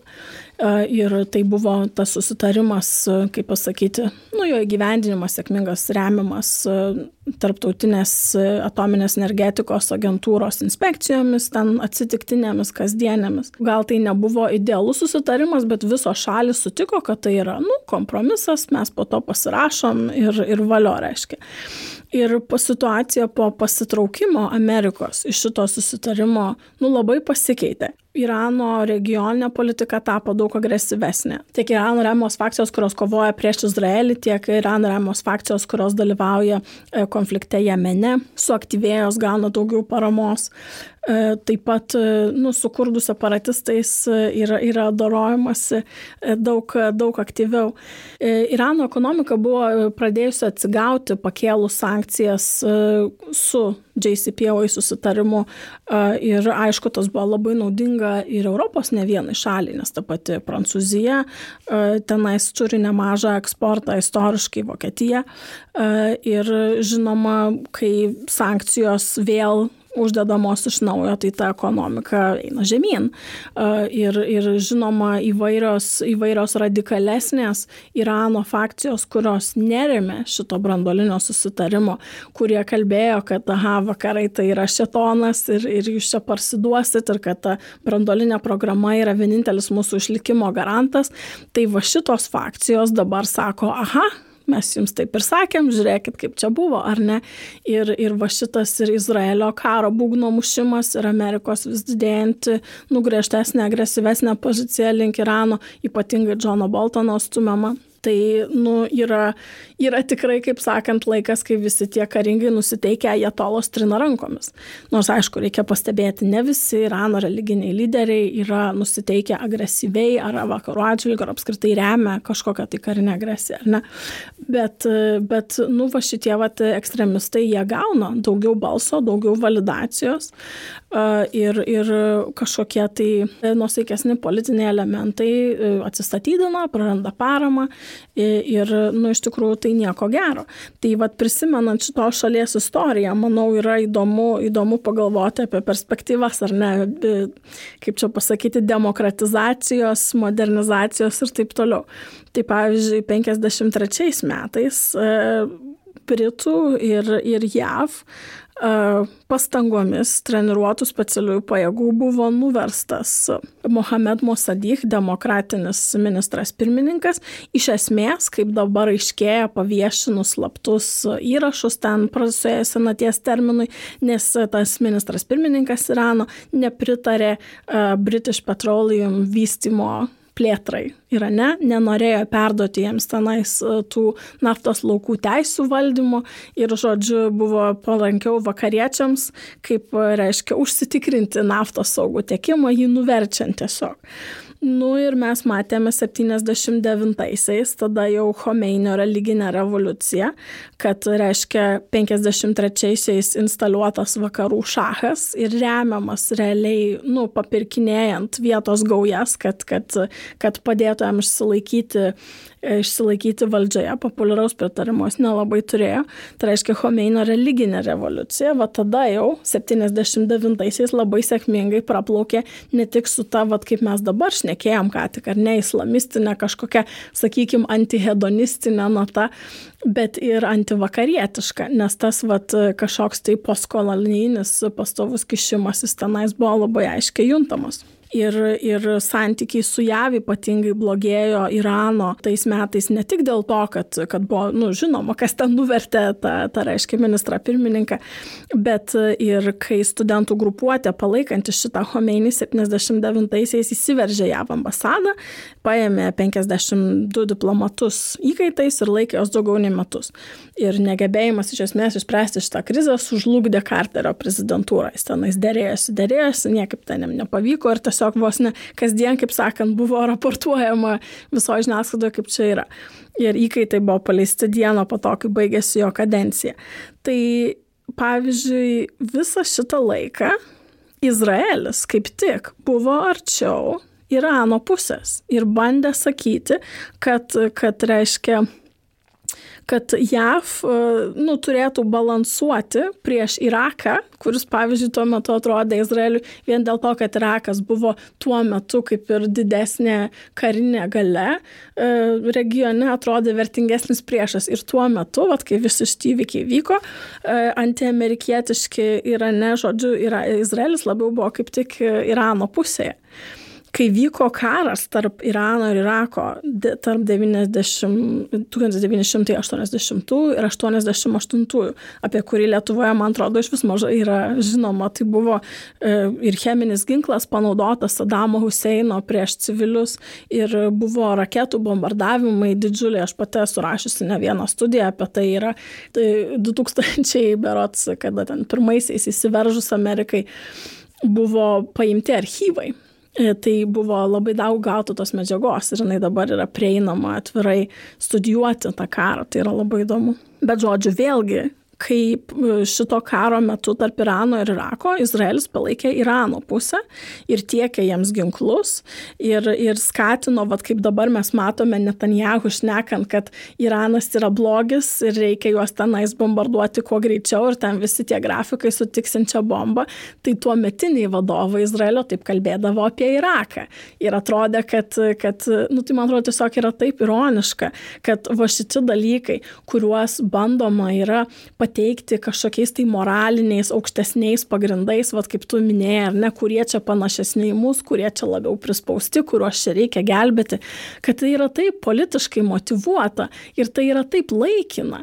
Ir, nu, iš tikrųjų, šitie geopolitiniai šachmatai vidurio rytuose yra labai komplikuoti ir tu negali žiūrėti į ISIS problemą, nematydamas Afganistano, tu negali ir, ir Egipto to paties, tu negali žiūrėti į Izraelio problemą, nematydamas Saudo Arabijos ir Irano, negali žiūrėti į Jemeną, nematydamas e, Saudo Arabijos, Irano, JAF ir visų kitų. Bet tu, tu turi žinoti istoriją, kad tu galėtum, taip, galėtum taip, taip, taip, tai analizuoti. Ir, pavyzdžiui, ir... grįžtant prie aš, kaip mes patį pirmą darėme interviu podcast'e, tu minėjai, kad e, mokyklos, mokykloje e, Lietuvos nėra daug dėstoma apie šitos dalykus. Tu iš esmės arba tu pats domiesi, o jeigu nesidomi, tada tu tikrai gali lengvai pasitikėti tik tai tą informaciją, kurią tu gauni dabar. O Taip, istorinė atmintis yra labai trumpa. Aš irgi pastebiu, kad, pavyzdžiui, dabartiniai straipsniai, kokie nors analizuojantis, nu, jie labiau yra linkę į detalės, sakykime, nu, padienių įvykius kažkokio tai konflikto, bet dažnai nenušviečia konteksto. Nu, yra tendencingas rašymas. Ta prasme, žmonės, e, kur yra, yra linkę rašydami apie konfliktą kažkuria pusę labiau palaikyti ir, ir nu, tas atsispindi. Iš esmės, užtektų, užtektų faktų kiekvieną iš tų šalių, kurias mes aptarėm, pateikti arba kaip labai, labai, labai, labai gerą, arba labai, labai blogą. Iš esmės, tu ir, gali sukonstruoti tokį ir tokį naratyvą. Taip, taip, būtent ir, ir vertinant vidurio rytus, aišku, yra vidaus politika ir, sakykime, ir ekonominio išsivystimo klausimai, ir, sakykime, tie klausimai, ar, tu, ar būtina tą šalis demokratizuoti, o gal kažkuris ilgisi stipraus lyderio, kiek yra blogai karinė diktatūra, kokios yra pasiekmes po arabų pavasario. Tai tu turi šitus klausimus ir da tu turi klausimus. Mes juos žiūrime labai iš vakarietiško akių, maždaug, kad tiesiog demokratizuokim viską ir Taip, viskas bet, pavyks. Bet... Ir dėl to Izraelį mes vertiname geriau, nes jis vis dėlto matomas kaip demokratiškas, nors čia irgi galima dėl to daug diskutuoti. Taip, taip, aš manau, kad yra tas dalykas, tai tarkim ypatingai Prancūzijoje, kuri, vat, nu, ir Anglijos, sakykime, iš dalies, kurios turėjo kolonijas e, ir, ir jautė tą, sakykime, prancūzai mėgsta sakyti mission civilizatrice, reiškia kažkokį tai baltojo žmogaus, arba kaip anglai sako, white man's burden, reiškia kažkokią tai netai kalbą kaltę, ne tai kažkokį tai paskatą, kad tu, kaip reiškia, baltodis labiau išsivystęs, turėtum čia skleisti gerąją naujieną ir kad, kaip mes ir kitame epizode kalbėjom, viską demokratizuokim, rinkos ekonomiką ir viskas išsispręs. Nu ir neveikia taip. Kad, kad nu, tai, tai mes matom tas ideologinės permutacijas vidurio rytuose. Ir iš tikrųjų mes nu, privalom vertinti kompleksiškai jų regioninę politiką, vidaus politiką ir užsienio politiką kitų šalių atžvilgių. Kitaip mes šito mazgo niekaip neišnarpliosim, o skatinčiau domėtis ir, ir, kaip sakant, pasirinkti kažkokią pusę visus, bet būti apsiskaičius, nes tikrai, kaip tu sakai, man rodos Lietuvoje mažai mes esam susipažinę su šitom realiam. Arba būkit apsiklausę. Tai yra tai, ką mes čia siūlom jums. Mes eksperimentuojame su update formatu. Šiandien mes skiriame dėmesį vienam regionui. Jeigu jūs norit, pavyzdžiui, kad Eglė taip išsamei kalbėtų apie Kiniją ir aplinkinę šalis, aš visai norėčiau. Aš nepasižadu būti visų galų meistras. Aš tai manau, kad šitame eksperimente mane labiausiai pradžiugino klausytojų klausimai. Tai iš tikrųjų ir buvo pirminė paskata, kodėl mes pradėjom kalbėti apie šitą regioną. E, norėjom suprasti, kas jums yra įdomu ir, ir ne, neretai sulaukdom klausimų ar apie Jemeną, ar apie Izraelį, kurie lengvai neįsipaišydavo į kitas labiau gal tematinės diskusijas. Tai čia todėl buvo daugiau toksai regiono teritorinių principų principų paremta apžvalga, bet labai skatinčiau klausytojus rašyti mums į nanuk, rašyti komentarus, sakyti, kas buvo blogai, ko norėtumėte daugiau, A, kas, kas jūs domina, apie ką norėtumėte išgirsti, bendraukim, klausykim, kalbėkim. Visiškai pasirašau po štai žodžiais. Ačiū Aglė ir ačiū visiems, kurie buvo kartu. Iki kito karto. Toks mūsų epizodas šiandien. Ačiū, kad buvote kartu. Jį redagavo Karolis Pilypas Liutkevičius ir aš Karolis Višniauskas. Garsą įrašė Kata Bitoft ir Aistė Baltraitytė. Už studiją dėkojame Nacionaliniai Martino Mašvido bibliotekai. Mūsų muzikos autorius yra Martinas Gailius. Kviečiu užsukti į tinklalapį Nail.lt ir taip pat Nanuk Instagram. Ten pasidalinome Nanuk fotografų nuotraukomis iš dalies šiandien aptartų vietų. Pavyzdžiui, yra Bertos Trumantaitės fotografijos iš Egipto arba Arturo Morozovo iš Palestinos. Puikus kadrai leidžiantys geriau pamatyti, kaip atrodo ta realybė, apie kurią šnekėjome šiandien.